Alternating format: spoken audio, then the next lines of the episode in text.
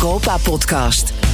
Privet, hallo. Je luistert naar BNR's Europa-podcast. De podcast van Nederland over Europese zaken. Met blikken naar Brussel, naar Straatsburg en verder buiten. Mijn naam is Geert-Jan Haan en naast mij collega-eurocommissaris Stefan de Vries. Bonsoir, goedemorgen, waar u ook bent, wanneer u ook luistert. Deze week zijn er flink wat degens gekruist in Straatsburg. Wij kijken mee met het boerenbord op schoot. En laat dat nu net het menu zijn van deze uitzending. From farm to fork. Do you have the appetite for change? Een zoet appelsappig promofilmpje van de Europese Commissie voor de Farm-to-Fork-strategie. In het Nederlands ook heerlijk allitererend eh, te vertalen naar boer-tot-bord-strategie. Ja, en die strategie die staat centraal deze uitzending. Op ons menu mogen we wel zeggen in hoeverre mag de visie van vicevoorzitter van de Europese Commissie op ons bord belanden. Uh, these strategies are not about other things. They're not about telling people what to do, but they are about telling people how they can make their choices better informed, to give them what they deserve. En deze week heeft het Europees Parlement ook gekeken naar de visie van Frans Timmermans en zich daarover uitgesproken. De uitkomst, ook van Straatsburg, mag het allemaal wel wat gezonder, duurzamer.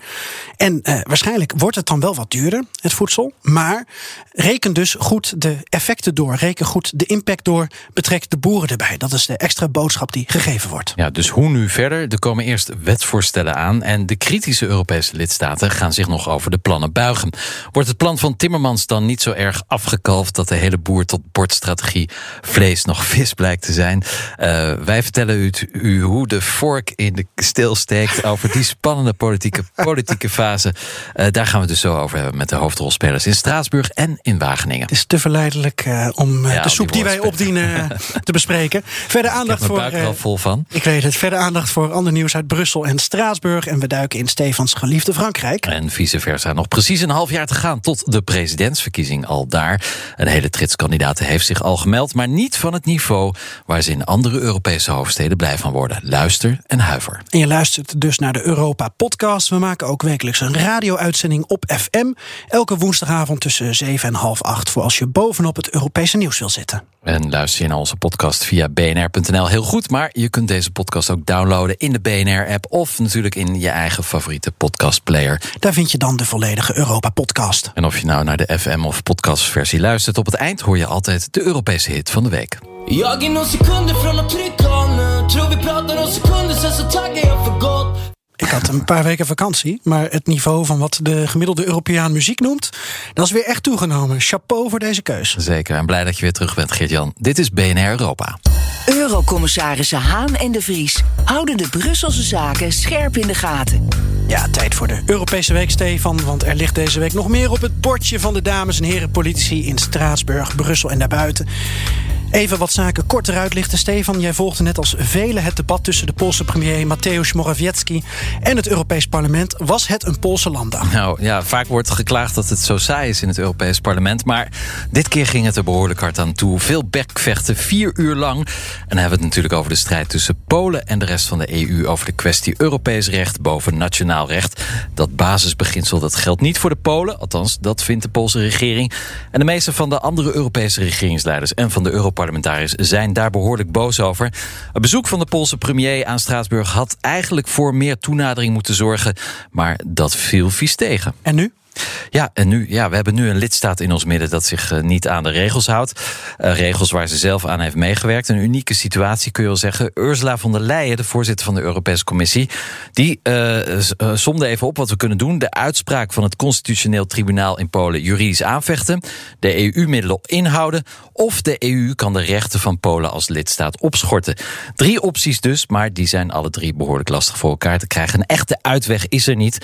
Polen kan niet uit de Unie gezet worden, maar voorlopig wil het land ook geen concessies doen. Polen wil ook niet uit de Unie. Een Nee. padstelling. Ja. Morgen, eh, vandaag is het donder, eh, woensdag. En morgen, donderdag en vrijdag, dan wordt er dus verder gesproken eh, hierover door de regeringsleiders op de top in Brussel. Ja. Ook even een kort bericht over een belangrijk signaal vanuit Europa aan Vladimir Poetin. Zijn criticaster Alexei Navalny krijgt de Sakharovprijs. Dat is de hoogste onderscheiding van de EU voor mensenrechtenactivisten. Ja, het Europees Parlement kent Navalny, die op dit moment in een werkkamp vastzit, eh, de prijs toe voor zijn moed om op te komen voor democratisch bestuur, de rechtsstaat, burgerlijke vrijheden en de bestrijding van corruptie. Nou, of eh, Poetin onder de indruk is van deze toekenning, dat valt te betwijfelen. Ja, en ook op de agenda deze week de nationale begrotingsregels. De Europese Commissie is de discussie daarover herstart. En de vraag is: moeten de strenge regels, net als voor corona, weer terugkomen? Of blijkt volop investeren juist goed te zijn? En moeten we nou kappen met die 3%-norm van het begrotingstekort? En uh, is 60% staatsschuld, is dat achterhaald? Ja, de Commissie zegt nu: laten we daar eens over nadenken. En jullie, lieve lidstaten, mogen meedenken.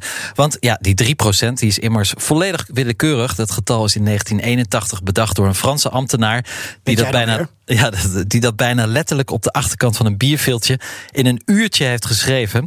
Uh, er zat geen e enig echte economische gedachte achter, want het was helemaal geen econoom die dat deed. Oh, wow. uh, maar ja, in de jaren daarna, uh, dus dat is al 40 jaar geleden, werd die 3% wel een soort mantra. Um, maar ja, het, het, is eigenlijk een eigen leven gaan leiden. Ja, de commissie wil de komende maanden de verschillende argumenten in het debat tot zich nemen. En dan moet ruim voor 2023, zo luidt de mededeling, een nieuw kader voor economisch bestuur zijn. Klikt niet heel spannend als we het zo vertellen. Maar let op, it's about to get messy. En volgende week meer hierover. Ja, dan sluiten we dit nieuwsoverzicht af met La Douce France. Ja, tijd voor onze nieuwe tijdelijke, zo nu en dan terugkerende rubriek Ranking Le Président.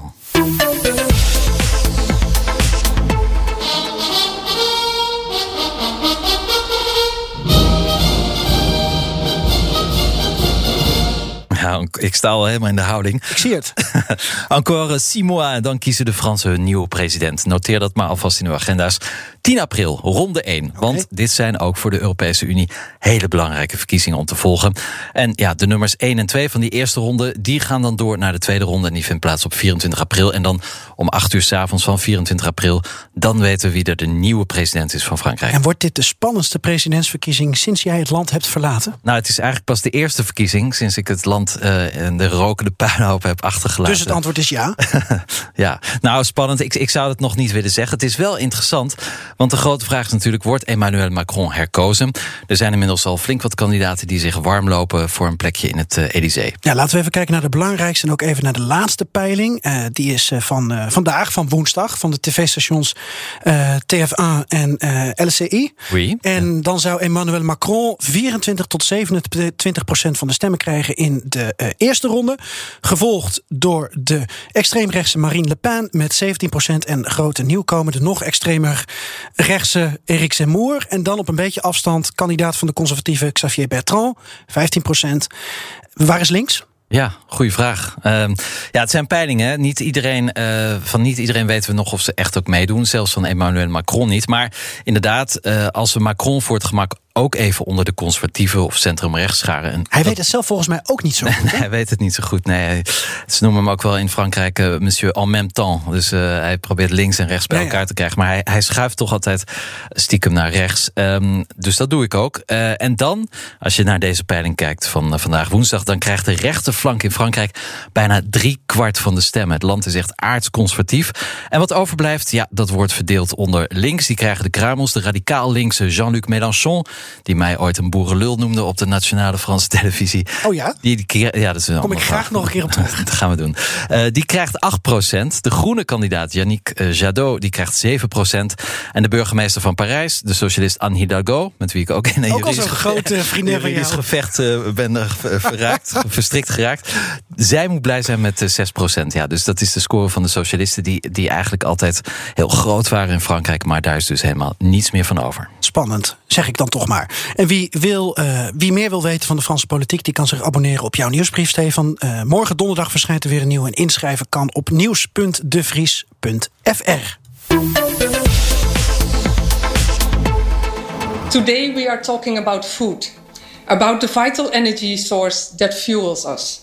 And much like the fuels that feed our factories and cars, our food system must undergo a transition. Ja, het Europees Parlement heeft deze week ingestemd met de Farm-to-Fork-strategie van Frans Timmermans.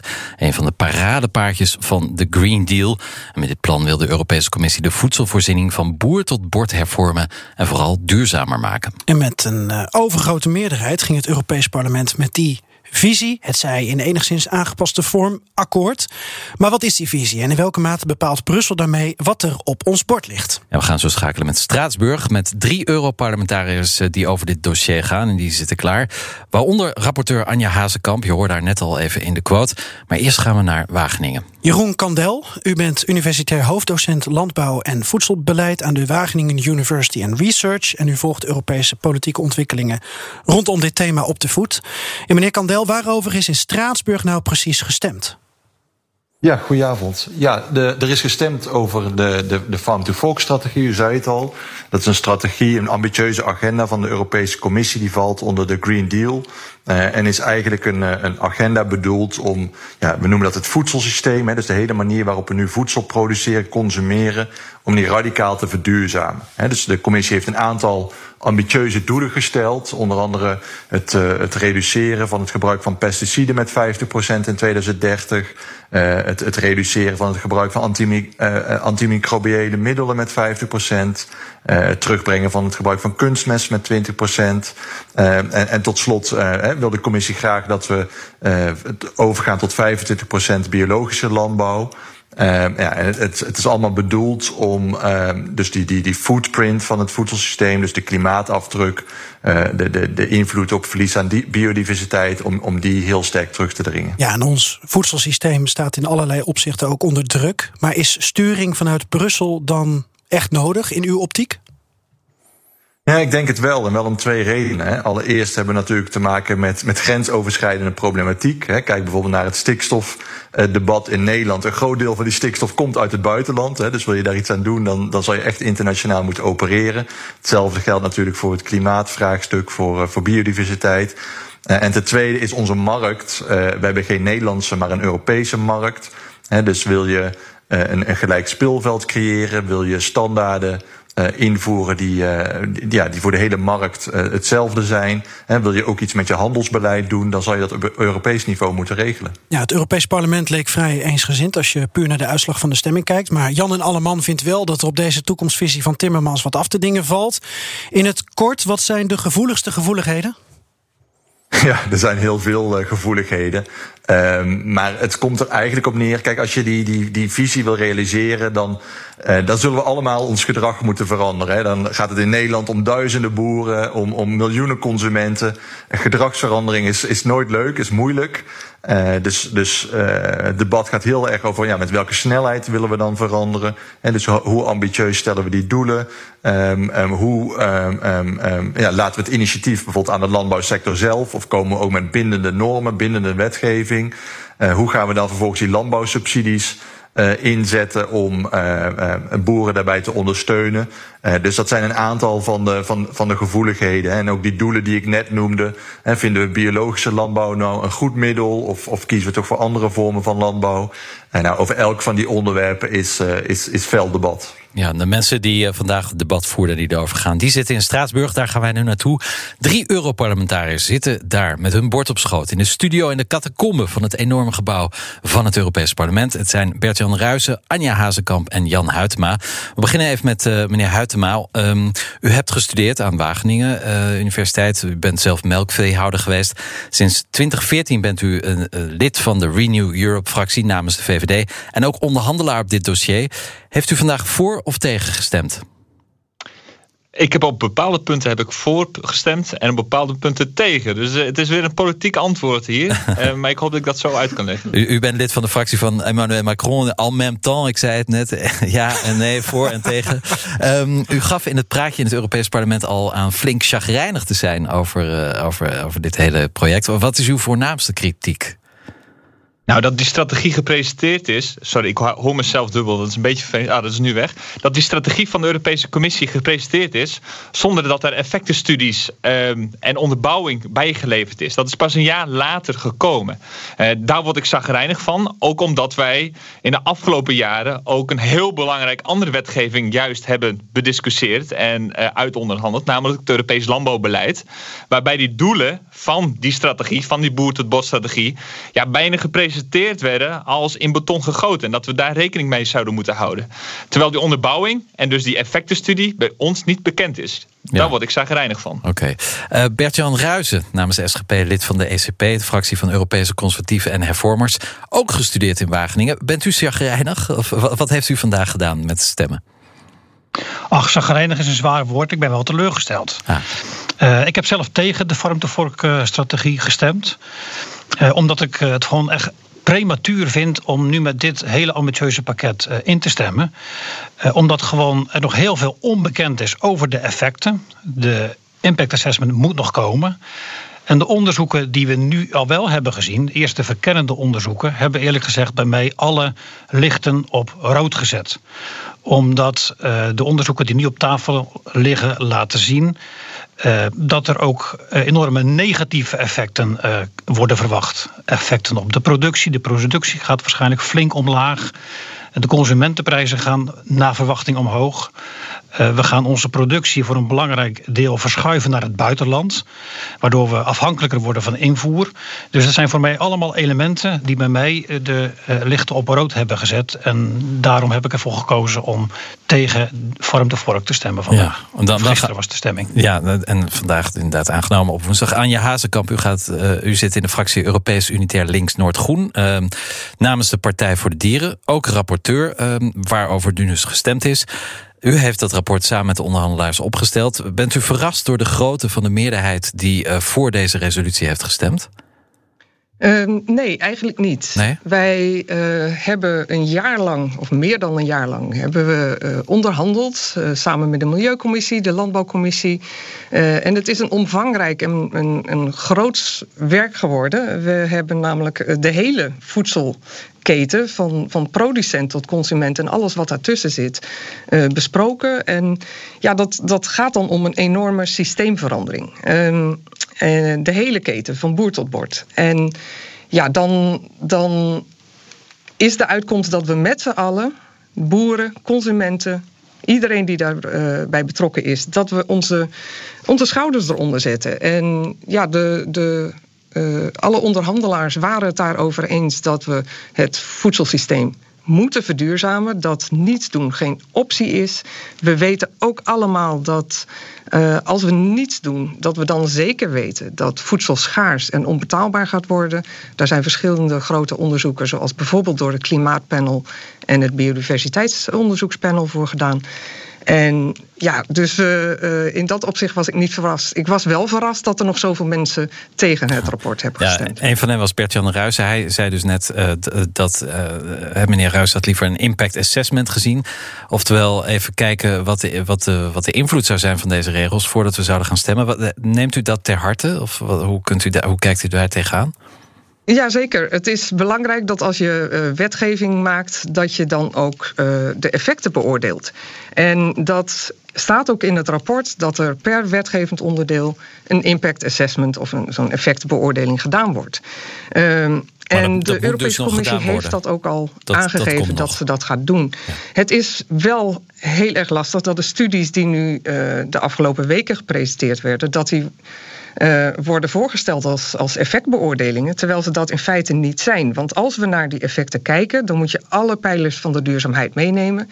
De sociale gevolgen, inclusief de gezondheid, de ecologische gevolgen en de economische gevolgen. En die moet je alle drie bekijken. En daarnaast moet je natuurlijk ook kijken wat de consequenties zijn als je het niet doet. Ja, we gaan zo dieper in op de materie voor de Europa-podcast. Maar even ter afronding van het live gedeelte. Uh, Jeroen Kandel van Wageningen. De strategie die moet nu concreet worden uitgewerkt in concrete wetsvoorstellen. U hoorde het. Stuk voor stuk moeten ze dan weer langs de lidstaten voor goedkeuring. Ja, wat ziet u toch als de grootste uitdaging om uh, niet met een hele zwakke van deze strategie uiteindelijk te eindigen? De commissie gaat nu uh, op, op elk van die doelen met wetgevende voorstellen komen. Uh, en tegelijkertijd, u hoort het al, er zijn ontzettend verschillende ideeën over welke kant het op moet. Dit is alleen nog maar het Europees Parlement, maar, maar ook de, de lidstaten besluiten natuurlijk mee. en Nederland behoort al tot de, nou, qua, qua groene doelen, ambitieuzere lidstaten. Met name in Oost-Zuid-Europa zien we vaak dat, dat men toch die, uh, die milieu, klimaat wat minder hoog op de politieke agenda heeft staan. dus we kunnen een, een felle strijd tussen commissie, parlement en, en, en de lidstaten verwachten. tegelijkertijd hebben we natuurlijk wel die klimaat-biodiversiteitsdoelen om, waar we aan moeten voldoen. En niet alleen Nederland, dat geldt ook voor andere Europese landen. dus dat zal nog heel spannend worden hoe de andere lidstaten uh, die, uh, welke keuzes zij willen gaan maken en uh, ja, in, in welke mate de doelen van de commissie overeind blijven staan. Ja, en dan het staat er los van, maar het heeft er toch mee te maken. In november wordt er gestemd over het gemeenschappelijk landbouwbeleid. Zeg maar de grote pot met goud voor de Europese landbouwers. Jan Huytema, gaat deze uitslag invloed hebben op die stemming in november? Kijk, het is iedereen gaat ervan uit dat er ambitie moet zijn om de milieu-impact verder te verminderen van alle sectoren in Europa en in de wereld. Dat is de Green Deal van 2050. De landbouw hoort er ook bij. Wat nu zo belangrijk is van deze studie, is dat het inderdaad zegt van als je hier verkeerde keuzes in maakt, dat de voedselprijzen omhoog gaan. En die stijgen nu al, zonder dat daar uh, uh, wetgeving voor is. Dat we meer afhankelijk kunnen gaan worden van landen om ons heen als het gaat over voedsel. En ook dat landbouwgrond steeds schaarser wordt. Kijk maar wat er gebeurt in Nederland. Er moeten meer huizen bij, industrie, wegen, natuur, zonneweiden. Dus elke hectare landbouwgrond telt om voedsel te produceren. En deze studie geeft me weer aan dat we ervoor moeten zorgen dat er goede instrumenten zijn, goede alternatieven zijn als we minder gewasbeschermingsmiddelen willen gebruiken of kunstmest, om die hectares landbouwgrond optimaal te gebruiken voor de productie van voedsel. Ik denk dat dat een hele belangrijke is voor de komende tijd als we bezig gaan met de Europese wet en regelgeving. BNR Nieuwsradio, de Europa Podcast. Geert-Jan Haan en Stefan de Vries. Nog steeds hebben we vanuit Amsterdam contact met Straatsburg en Wageningen.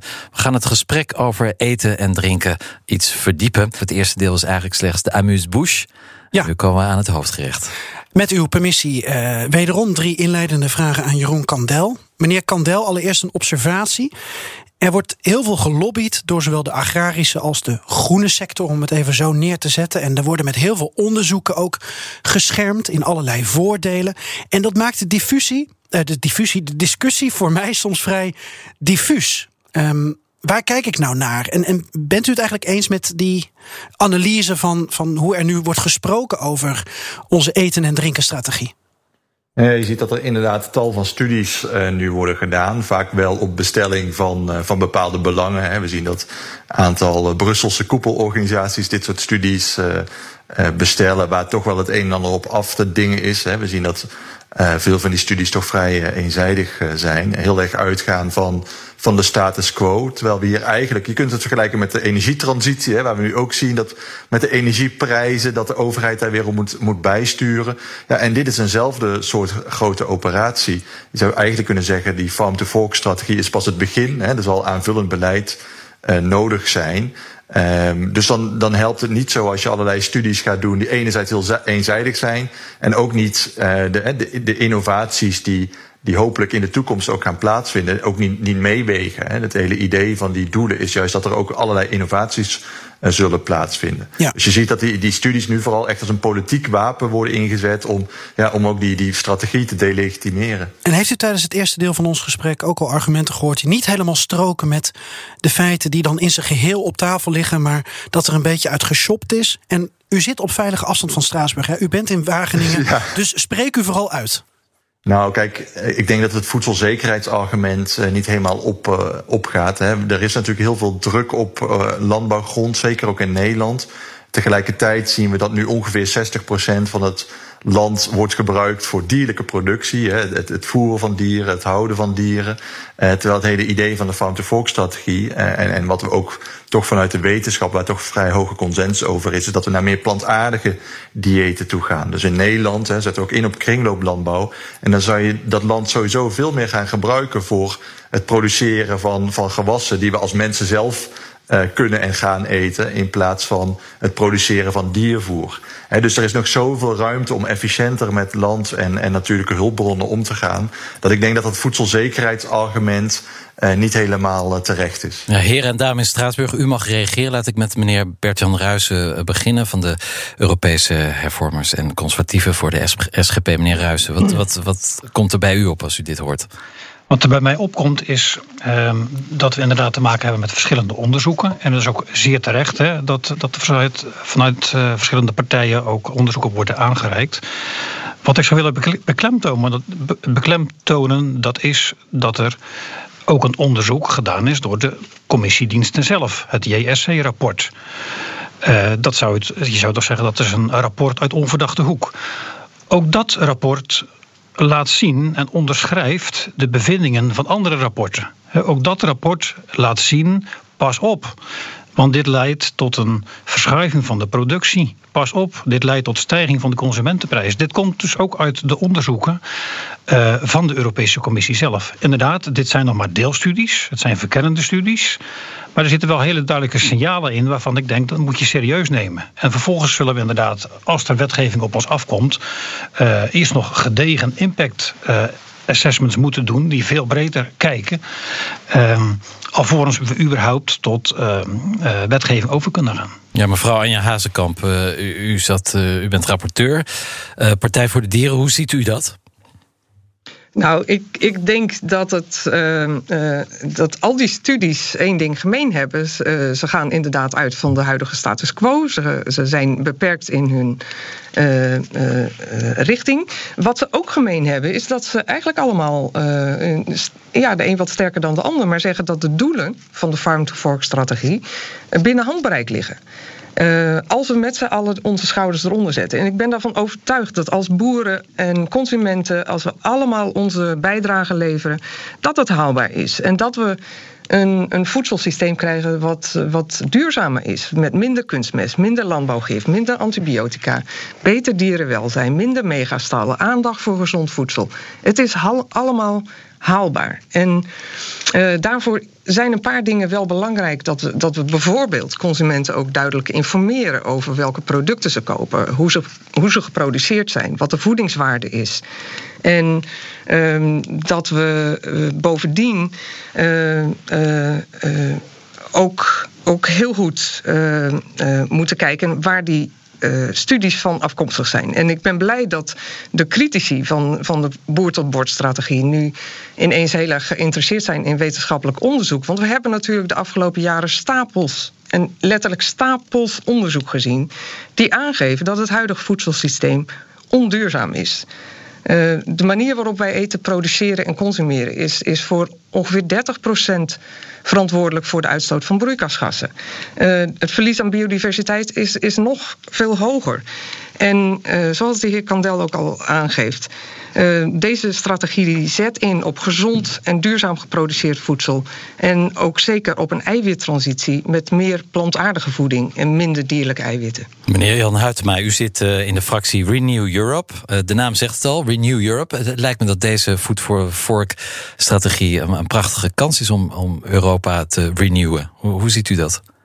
Nee, ik zie dat ook als, als een kans. Maar ze vergeten, of wat, wat, wat ik mis in, is dat we de kans onbenut laten om ook te kijken van wat gebeurt er al in de praktijk. Uh, wat zijn de ontwikkelingen die boeren nu al doen? Wat zijn bepaalde innovaties? Niet alleen technologisch, maar ook bijvoorbeeld innovaties in het gebruik van bio-organismen uh, of uh, bodemgebruik. Er is al zoveel gaande. En Waar ik bang voor ben, is dat we te veel vanuit de Ivoren Toren hier in Brussel of in Straatsburg dingen op gaan leggen die in de realiteit in de praktijk niet werken. Um, en dat is ook de waarschuwing die nu het Europees Parlement in zijn resolutie ook duidelijk geeft uh, naar de Europese Commissie toe. Het zijn allemaal wel hele mooie ronde doelstellingen. Hè, bijvoorbeeld het gebruik, of bijvoorbeeld de doelstelling van 25% meer, biologische landbouw. Maar ja, dan moet er ook de vraag zijn naar biologische producten. En dan moeten we ook gaan kijken, ja, wat is dan het effect daadwerkelijk op het milieu? Want ik kan je één ding zeggen, er is geen perfect landbouwmodel. Er bestaat niet zoiets als een perfect landbouwmodel. Nee. Ook in de biologische sector heb je voor- en nadelen. En één nadeel bijvoorbeeld is het gebruik van landbouwgrond. Je bent veel meer grond nodig uh, om uh, biologisch te gaan produceren. En uh, ja, dat hebben we simpelweg niet. Maar meneer Huytema, u bent nu vooral de kritieke punten in uw optiek aan het benadrukken. En dat mag ook. En het is ook goed dat Europarlementariërs kritisch zijn. Maar volgens mij bent u over het algemeen vrij positief over deze strategie. Zitten er punten in waarvan u zegt van ja, goed dat we daar aandacht aan besteden? Nou, wat ik wel belangrijk vind, is dat we dat niet als uh, individuele landen uh, uh, ja, zelf gaan doen, maar dat we dit Europees gaan aanpakken. Hè? Net wat Jeroen Kandel ook al zegt, we hebben een Europese interne markt. We hebben ook zoiets te maken met een gelijk speelveld. en we zijn in de wereld zijn we ook leidend als Europese Unie. We zijn nog steeds de grootste markt. Dus ik vind het wel heel belangrijk dat we dezelfde regels afspreken in de Europese Unie. En niet bijvoorbeeld dat Nederland het ene doet en buurland Duitsland of België weer het andere. We moeten dit samen doen. En het is ook duidelijk dat alle sectoren, dus ook de, de, de Europese landbouw, uh, iets moet gaan doen om uh, de milieu-impact verder te verminderen. En we doen het al goed, maar dat kan nog beter. Maar aan de andere kant moeten we ook realistisch zijn dat maken we de verkeerde beslissingen, ja, dan eh, kan het inderdaad zo zijn dat we eh, minder produceren, dat we minder afhankelijk worden van landen buiten de Europese Unie en dat we on onnodig ons voedsel duur maken. Dus ja, blijf daar realistisch in en gebruik ook de kennis en kunde van het veld en van de boer. Ja, mevrouw Hazekamp, lidstaten gaan dit eh, naar alle waarschijnlijkheid nog veranderen, mogelijk afzwakken, misschien op andere gebieden wat versterken. Dat, ja, zo werkt het nu helemaal bij zulke voorstellen vanuit het parlement. Komt daarmee de hele zoektocht naar een duurzaam en, en voor boeren betaalbaar voedselsysteem onder druk te staan? Of verwacht u eh, niet zo heel veel tegenstand? Hoe, hoe ziet u de, de komende nou, maanden? Ja, ik, ik, verwacht zeker tegenstand. Hè. We hebben dat uh, nu ook gezien, dat uh, onder het mom van, van landbouwlobby, uh, de multinationals met name, ehm, zich in de discussie mengden en daarbij ja, uh, eigenlijk uh, deden voorkomen alsof de, de hele landbouwsector uh, ineen zou storten. En dat we, ja, dat we aan, aan toevalligheden overgeleverd zijn als het gaat om onze voedselproductie. Niets is minder waar. Kijk, de gewone boeren ehm, die hebben geen belang bij gevaarlijke landbouwgif. Wat hunzelf, hun gezinnen en de buren ja, bedreigd, zou ik zo zeggen. we kennen allemaal voorbeelden van ziekten als Parkinson. Uh, de gewone boeren hebben geen belang bij handelsverdragen uh, met landen zoals Brazilië en uh, Argentinië. We, en dat wordt allemaal wel in deze strategie geregeld. Uh, we zorgen ervoor dat, uh, dat boeren een, een eerlijke prijs krijgen voor, voor eerlijk voedsel. Dat consumenten goed worden voorgelicht. Maar als je de multinationals het beleid laat bepalen, ja, dan zijn we zeker op de verkeerde weg. En ik denk dat dat de komende jaren ook, ook bij de, de onderhandelingen met lidstaten, dat die lobby door gaat zetten. Maar we hebben ook gezien in het Europees Parlement gisteren en vandaag. Uh, dat we ons niet zo makkelijk meer het bos in laten sturen door bedrijven die geen enkel belang hebben bij een gezond voedselsysteem. Ja, ja Jeroen Kandel van de Universiteit Wageningen. Is dit een belangrijk punt dat mevrouw Hazekamp uh, aanstipt? Omdat als je kijkt ook naar de, de lobby, ook van uh, belangenorganisaties zoals de Europese koepel Copacabana, um, dan lijkt het soms alsof achterwege wordt gelaten welke, welke economische kans het ook kan bieden. En dan denk je toch, maar dat is mijn indruk, van god, dat zal toch niet uh, aan de boer liggen? Die denkt, um, ik laat dat geld liggen, maar eerder aan het onder druk zetten door multinationals. Is dat een belangrijk punt om in de gaten te houden? Nee, je ziet dat inderdaad veel boeren zelf ook aangeven dat ze wel willen verduurzamen, maar, maar in de knel zitten. Hè? Dat, ze, dat ze te weinig uh, financiële ruimte of kennis hebben om, uh, om te kunnen innoveren. Um, en ik denk dat, en dat, dat geldt in heel Europa, dus ook, ook boeren hebben veel te winnen bij een, een, een markt die, uh, die ze een, een, een betere boterham biedt uh, en ze helpt in die verduurzamingsslag. Tegelijkertijd zit veel van de frustratie van boeren, maar denk ik in dat veel van de kosten van, van de transitie bij hen worden weggelegd. En dat nog maar heel weinig wordt gevraagd van de consument, van supermarkten, van andere spelers in de keten. Hè. En, en daar kan denk ik wel de farm-to-fork-strategie een opmaat naar zijn.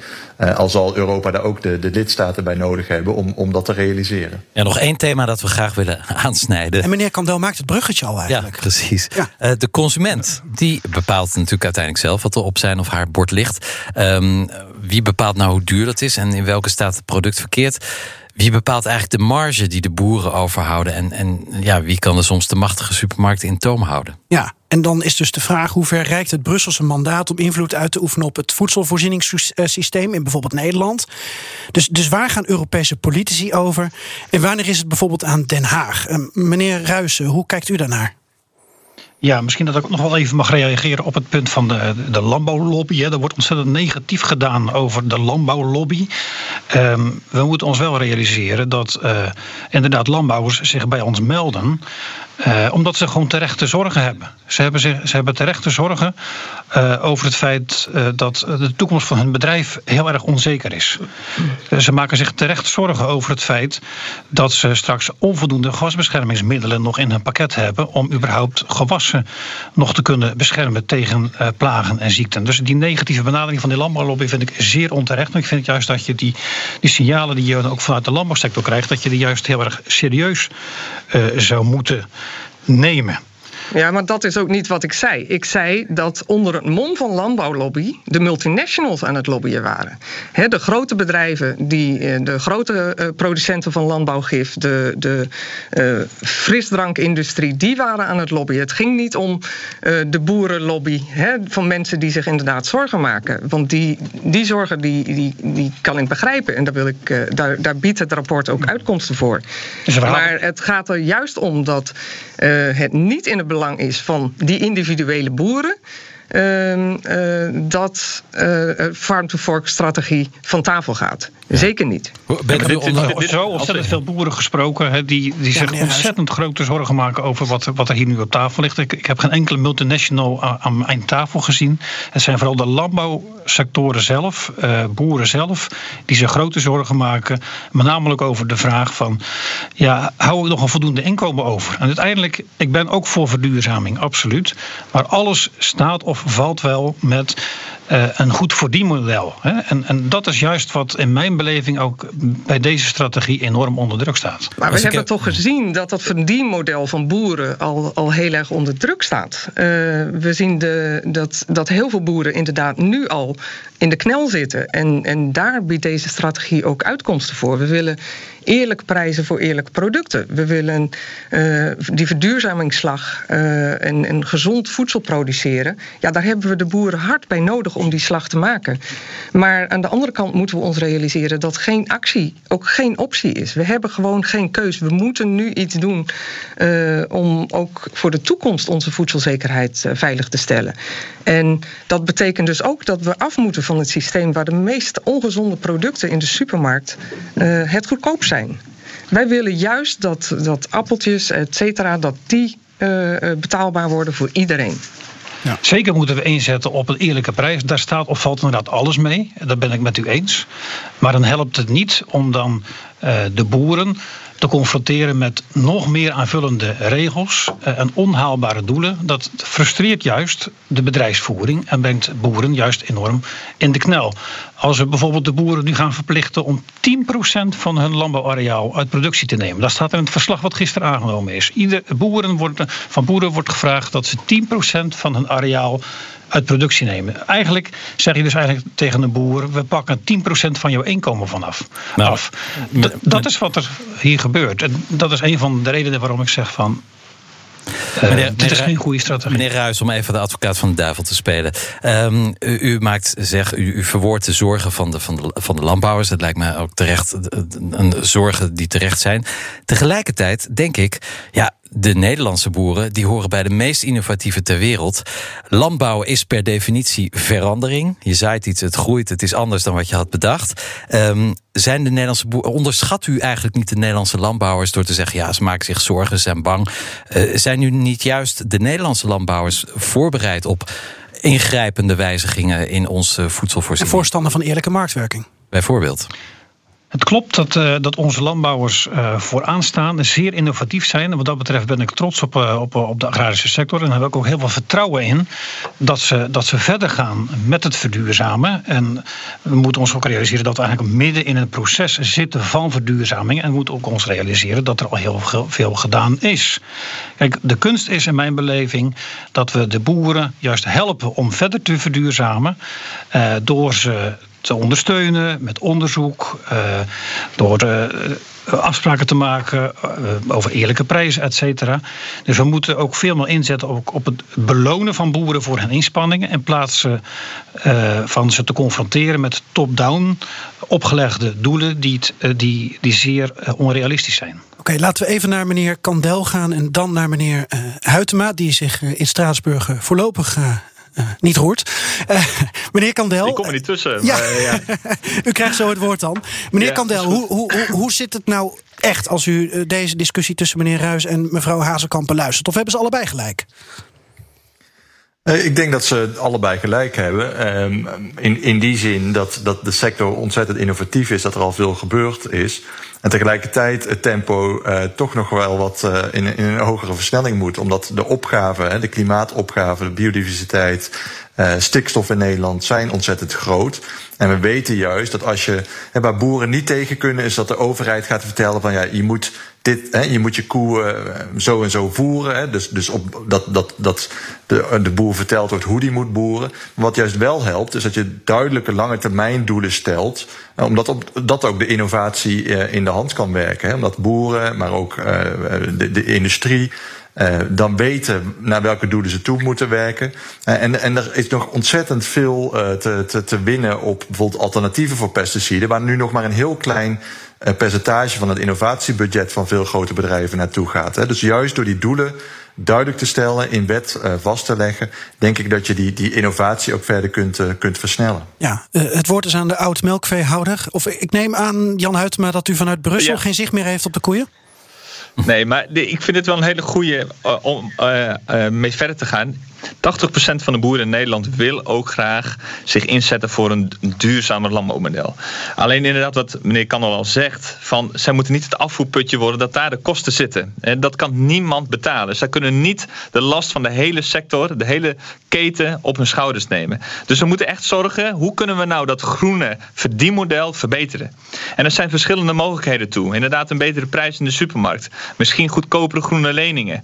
Um, um, maar ook bijvoorbeeld het Europees landbouwbeleid, waarin het inderdaad zo ontzettend belangrijk is dat we het geld dat we beschikbaar hebben, dat we dat direct linken aan geleverde prestaties. En dat we op zo'n manier een wortel creëren voor ze, dat hoe, hoe beter je het doet, hè, ook beter ontmoet. Ja. En nu is het zo dat iedereen, hè, dat, dat boeren simpelweg de maatregelen moeten nemen, de vergroeningsmaatregelen maatregelen moeten nemen die van Brussel opgelegd worden. Ja, zoals meneer Kandel al zegt, dat gaat niet werken. Laat, laat daar een verdienmodel in zitten en dan durf ik er een fles wijn op te zetten dat het ontzettend snel gaat. Dat boeren inderdaad naar een duurzame landbouwmodel gaat uh, gaan komen. En een ander punt, en dan sluit ik af, dat het ook heel belangrijk is dat we ruimte geven aan die innovatie. Dus dat we inderdaad zorgen dat er alternatieven zijn voor gewasbeschermingsmiddelen. Dat die, hè, dat die toegelaten wordt. Maar ook bijvoorbeeld kunstmest. Hè, een heel logisch alternatief voor kunstmest is dierlijke mest. Maar boeren mogen hun eigen dierlijke mest niet ten volle gebruiken. Dat is het reinste waanzin. Maar dat is door Europese regels zo. Ze worden gedwongen juist om kunstmest aan te kopen, uh, kopen. Uh, om aan de gewas uh, of de bemestingsbehoeften van een gewas te voldoen. Dus het, ja, het, het zijn twee dingen waar wij als politici hier in Straatsburg nog mee aan de, aan de slag moeten gaan. Ja, maar nu u toch aan het woord bent, ook al wilde u afsluiten, misschien kunt u antwoord geven op de vraag die Stefan de Vries een paar minuten geleden stelde over bevoegdheden en competenties want u zegt zelf al, ja, Brussel bepaalt dit. En in sommige gevallen bepaalt Den Haag dat. Volgens mij gaat beprijzing, dat wordt door een, door een lidstaat gedaan en niet door Brussel.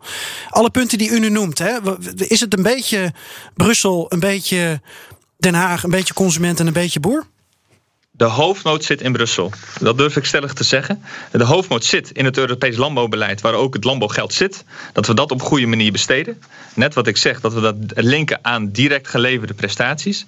Het zit in mededinging. Ook daarin is uh, Europees uh, mededingingswetgeving leidend. Dus dat je inderdaad zorgt dat we de extra kosten op duurzaamheid ook door kunnen berekenen in de uiteindelijke consumentenprijs. En ook de macht van de supermarkt. Ook dat is weer mededinging wat hier uh, in Brussel uh, besloten uh, moet gaan worden. En de innovaties die ik net noemde, ook dat is Europese regelgeving. We moeten veel meer zorgen dat we de instrumenten, de nieuwe technieken, waar boeren graag mee aan de slag willen, en juist de jonge boeren, dat we daar ruimte voor geven. En ook dat is Europees. Ja. Anja Hazekamp, hoe gaat het nu verder de komende maanden? Uh, ja, we gaan, uh, gaan nu natuurlijk verder aan de slag. De Europese Commissie die, uh, gaat aan de slag met die wetgevende voorstellen. de eerste worden al vrij snel verwacht. sommige laten wat langer op zich wachten, helaas. denk bijvoorbeeld aan nieuwe wetgeving rondom dierenwelzijn, diertransporten, slag van dieren. Ehm, dat, dat laat helaas nog tot 2023 op zich wachten. Ehm, maar ja, we, we zullen daarna weer, weer met z'n allen aan de tafel moeten om te kijken of deze plannen waar de, waar de commissie straks mee komt, of die nog in lijn zijn met datgene wat het parlement heeft gevraagd. Ja. Want het parlement wilde hier en daar wel een stapje verder gaan dan uh, Frans Timmermans. En uh, Bert-Jan Ruijsen, ziet u op basis van dit gesprek een, eh, een lichtpunt? Overweegt u de volgende keren wel uh, mee te stemmen of wordt het een onthouding, net als bij Jan Huytema? Ik zie vooralsnog geen aanleiding om mijn stemgedrag uh, uh, te gaan veranderen. Uh, we zien natuurlijk met belangstelling die impact assessments tegemoet. Um, ik, uh, vanuit mijn positie vind ik het gewoon heel belangrijk om, om een bijdrage te blijven leveren aan het verder verduurzamen van de landbouw. Wat dat betreft de richting uh, die met deze strategie wordt uh, ingeslagen, daar sta ik zeker achter. Natuurlijk moeten we kijken hoe we het gebruik van gewasbeschermingsmiddelen bijvoorbeeld kunnen verminderen. Alleen de manier waarop en de top-down benadering die nu gekozen is, die stuit mij enorm tegen de borst. Ja, meneer Kandel, met u af te sluiten. Heeft u tijdens dit gesprek nog dingen gehoord waarvan u zegt. Ja, dat zit toch net even anders. Of was dit eigenlijk een uur lang eh, best wel een gedegen discussie over uh, boer tot bordstrategie? Nou, ik denk dat veel van de, van, van de zorgen en de gevoeligheden wel aan bod zijn gekomen. Um, waar er nog weinig over is gegaan. Hè, en Echt, ik denk dat de heer Huytema gelijk heeft. Ja, nou, dat is altijd wel een punt. ik denk dat de heer Huytema gelijk heeft dat veel in Brussel wordt, uh, wordt geregeld. Met name aan de productiekant. Maar zeker voor de consumptiekant. Hè, uh, dingen als beprijzing. Nou, minister Schouten heeft daar ja, uh, onlangs in Zembla de, de, ambitie uitgesproken om, om niet duurzame producten te beprijzen. Ook het inkoopbeleid van de overheid. Hè. Vaak krijg je het, het slechtste voedsel nog steeds in, uh, in overheidskantines. dus door meer, meer in te kopen op duurzaam creëer je ook een veel grotere markt voor die producten. Voedselonderwijs, de voedselomgeving. er zijn tal van onderwerpen waar het debat nu nog amper over gevoerd wordt, die veel meer aan de vraagkant zitten. Ik denk dat het boeren ook gelijk hebben dat, ja, dat, dat ook die vraag omhoog moet om, om te kunnen verduurzamen. Uh, en waar we denk ik nog veel uh, meer aandacht aan zullen moeten besteden. En dat zit toch veel meer uh, ook in Den Haag en de andere hoofdsteden. dus ik zou zeggen, de Farm-to-Fork-strategie is een eerste aanzet tot een soort van voedselbeleid. maar om dat voedselbeleid te vervolmaken, zul je ook de, de lidstaten nodig hebben. Hartelijk dank aan allen. Ik vond het een smakelijk gesprek. Ik kondig u nu graag af met de volledige naam en rugnummers. Europarlementariër Bert-Jan Ruijsen namens de SGP, lid van de ECR, de fractie van de Europese Conservatieven en Hervormers. Anja Hazekamp zit in de fractie Europees Unitair Links Noord-Groen Links namens de Partij voor de Dieren. En Jan Huytema is lid van Renew Europe namens de VVD. En vanuit Wageningen hoorde je Jeroen Kandel, universitair hoofddocent landbouw en voedselbeleid aan de Wageningen University and Research. Correct, meneer Kandel? Ja, ik werk eh, aan de universiteitkant van de Burg. En binnenkort in Brussel te vinden, hè? Een paar maanden. Binnenkort ben ik een paar maanden in Brussel. Dus dan ga ik graag ook met de Europarlementariërs verder in gesprek. Kijk, veel plezier daar. En uh, allen hartelijk dank voor, uh, voor dit gesprek. De nummer 1 in Zoals iedere aflevering besluiten we met de Europese hoogcultuur. Ik heb het zo gemist de afgelopen weken. De meest beluisterde muziek in een van de lidstaten. Iedere week tarten we onze oortjes op zoek naar de Europese hit. Collega Eurocommissaris De Vries, wat ligt er op ons bordje? Luister maar. Jag är aldrig någonsin var något gratis Kanske stannar jag för evigt eller taggar jag imorgon De kollar på mig nu som att jag har blivit sjuk Gjort förut Oh, dit is het land van de Zweedse balletjes. Ja, precies. Dit is de bakermat van de door ons zo geliefde Eurotrash, namelijk Zweden. Daar staat de boysband Hof 1 op 1 met het nummer Rekna Dagar. En dat betekent de dagen tellen. Ook voor jou, Geert-Jan. En wil je dit nummer nou langer horen of korter? Dat kan in onze playlist op Spotify, waar we alle muziek uit BNR Europa inzetten. Even zoeken op BNR Europa nummer 1. En de link staat ook in de show notes. Hoezo, hoezo gaan de dagen voor mij tellen? Um, nou ja, leven, van leven ga je dood, zoiets. Ik, ik weet het niet. De dagen tellen. Ja. Dat is voor ieder mens. Voor ieder mens eigenlijk, ja. Maar trouwens, je zei dat je gemist had. Maar ja, iedereen kan het luisteren op de Spotify playlist. Heb je dus niet gedaan tijdens je vakantie? Nee, heb ik niet gedaan. Nee, ik miste het niet genoeg. Je luisterde naar de Europa-podcast, uh, waar we zijn er ook op de FM. Elke woensdagavond om 7 uur live op BNR Nieuwsradio. Met het bord op schoot. Dank voor het luisteren. Volgende week woensdag, zelfde tijdstip. Dan zijn wij weer of later in je Spotify. À la prochaine.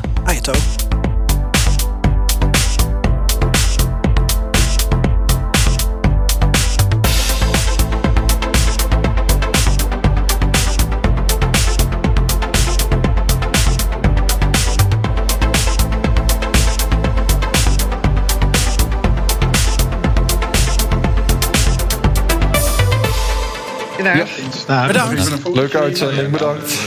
Zweten hoofden. nou eens? Nee, Wij zijn het nee, eens. nee, nee, nee, nee, nee. Ze zijn het toch niet eens. Een fles biowijn op tafel.